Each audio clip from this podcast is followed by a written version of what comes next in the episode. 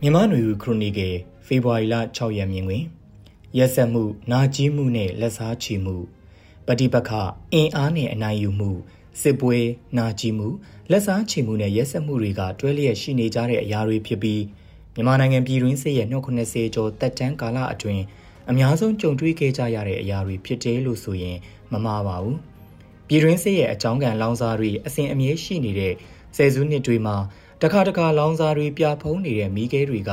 မီးတောင်အဖြစ်ရောက်လာလိုက်တခါတခါမီးတောင်ဖြစ်ရာကနေမီးခဲပြဖုံးအဖြစ်ပြန်ရောက်သွားလိုက်ဖြစ်နေကြတာဖြစ်ပါတယ်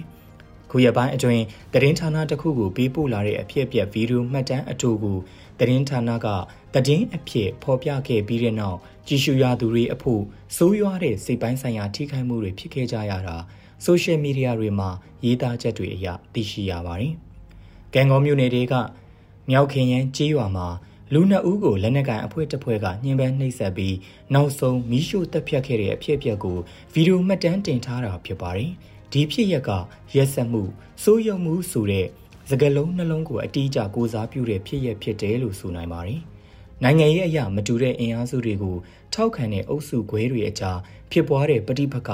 စီရေးအရာစံကျင်တိုက်ခတ်မှုတွေတုံ့ပြန်လက်စားချေမှုတွေနဲ့အရက်ဆက်ဆုံးနီးလန်းတွေနဲ့လက်စားချေမှုတွေကအခုလိုဖြစ်ရကိုဖြစ်ပွားစေခဲ့တယ်လို့ကောက်ချက်ချမိပါတယ်။ပြည်တွင်းစစ်ရဲ့တမိုင်းတွေတဲ့ရန်သူတွေကိုစစ်မြေပြင်မှာဖမ်းမိတဲ့အခါ တရားစွဲဆိုဖို့ဥပဒေကြောင်းအရာအရေးယူအပြစ်ပေးဖို့အခွင့်အလမ်းနေပြီးစာအုပ်ထဲရေးမထားတဲ့နှုတ်မိန်တွေနဲ့နှိပ်ဆက်စစ်ဆေးမေးမြန်းပြီးလက်စတုံတက်ဖြတ်လေးရှိတဲ့ဖြစ်စဉ်တွေမြန်မာနိုင်ငံရဲ့ရုပ်ဆိုးအကြီးတန်းလှတဲ့ပြည်တွင်းစစ်သမိုင်းတွေထဲရှိနေခဲ့ကြတာဖြစ်ပါတယ်။1960ကျော်ခုနှစ်တွေတုန်းကဘာကပကွန်မြူနစ်တွေနဲ့ဗမာတပ်မတော်တိုက်ခိုက်ခဲ့စဉ်ကတည်းက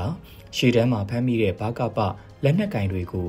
ဥပဒေနဲ့အညီ ဖမ်းဆီးရုံးတင်တာမျိုးလှုပ်ဆောင်လေတိတ်မရှိခဲ့ဘူးလို့လက်ဆင့်ကမ်းပြောကြားခဲ့ကြတဲ့ဖြစ်ရပ်တွေအရာကြားသိရပူတာဖြစ်ပါတယ်။အချို့သောစစ်ဗိုလ်တွေကအရှင်ဖမ်းဆီးပြီးနောက်တန်းကတက်ကိုအနံတဲ့အခါမှာဘာလို့အရှင်ဖမ်းလာရတာလဲအလုရှုပ်ခံရတာလဲဆိုတဲ့အပြစ်တင်ပြောဆိုမှုတွေဗမာတက်မတော်မှာရှိခဲ့တယ်လို့လည်းကြားခဲ့ပူပါတယ်။ကွန်မြူနစ်ဝါဒယုံကြည်သက်ဝင်ပြီးတိုက်ပွဲမှာဖမ်းမိတဲ့ထင်ရှားတဲ့စာရေးဆရာကို သူ့စာဖက်ပရိသတ်တဦးဖြစ်တဲ့စစ်ဘိုကဖမ်းမိခဲ့ရမှာမသက်ဖြတ်ပဲနောက်တန်းကိုအနှံခဲ့တဲ့အဖြစ်အပျက်မှာဖမ်းဆီးအနှံတဲ့ဘိုးဖြစ်သူကိုအထက်ကစစ်အရာရှိကအလုရှုပ်အောင်လုပ်တဲ့အတွက်အပြစ်တင်ခဲ့တယ်ဆိုတဲ့အဖြစ်အပျက်ကိုလက်ဆင့်ကမ်းပြောဆိုရာကကြားသိခဲ့ရပူပါတယ်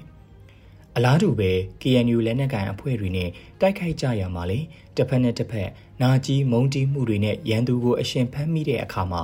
ဥပဒေနဲ့အညီအရေးယူတရားစွဲတာမျိုးထိမလုပ်ကြပဲရှေ့တန်းမှာတင်တည်ကျင်တဲ့သတင်းအချက်လက်တွေကိုနှိမ့်ဆက်ညှင်းပန်းတဲ့နည်းနဲ့မေးမြန်းပြီးတပ်ဖြတ်ခဲ့ကြတဲ့ဖြစ်စဉ်တွေရှိခဲ့တယ်လို့တစ်ဖက်ကလည်းစစ်တပ်ကတပ်ဖွဲ့ဝင်တွေကိုဖမ်းမိတဲ့အခါအရှင်မထားပဲနှိမ့်ဆက်တပ်ဖြတ်ခဲ့ကြတာအသေးစိတ်ဖော်ပြဖို့မသိတဲ့နီလန်းတွေနဲ့နှိမ့်ဆက်တပ်ဖြတ်ခဲ့ကြတာတွေလည်းရှိခဲ့တာကိုလက်ဆင့်ကမ်းပြောဆိုမှုတွေအရာကြားသိခဲ့ရဘူးတာဖြစ်ပါတယ်။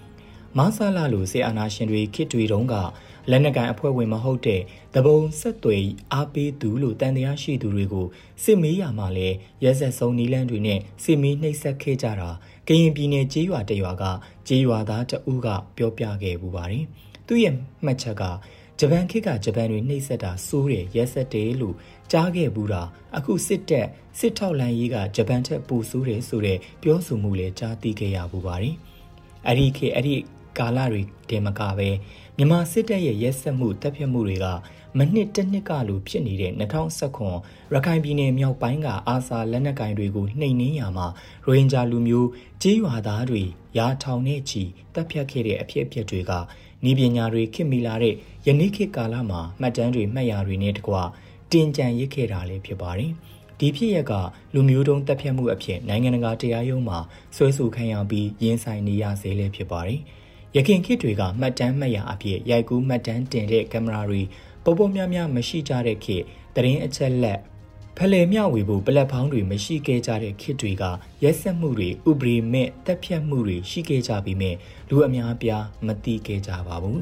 ဒီနေ့ခေတ်ကာလမှာဥပဒေမဲ့တက်ဖြတ်မှုတွေရက်ဆက်မှုတွေကကျူးလွန်သူတွေကိုယ်တိုင်မှတ်တမ်းတင်ခဲ့ကြပြီးတော့အချိန်ကာလတစ်ခုမှာမတော်တဆသို့မဟုတ်ရည်ရွယ်ချက်တစ်ခုခုနဲ့ပေါက်ကြားပြန့်နှံ့စီက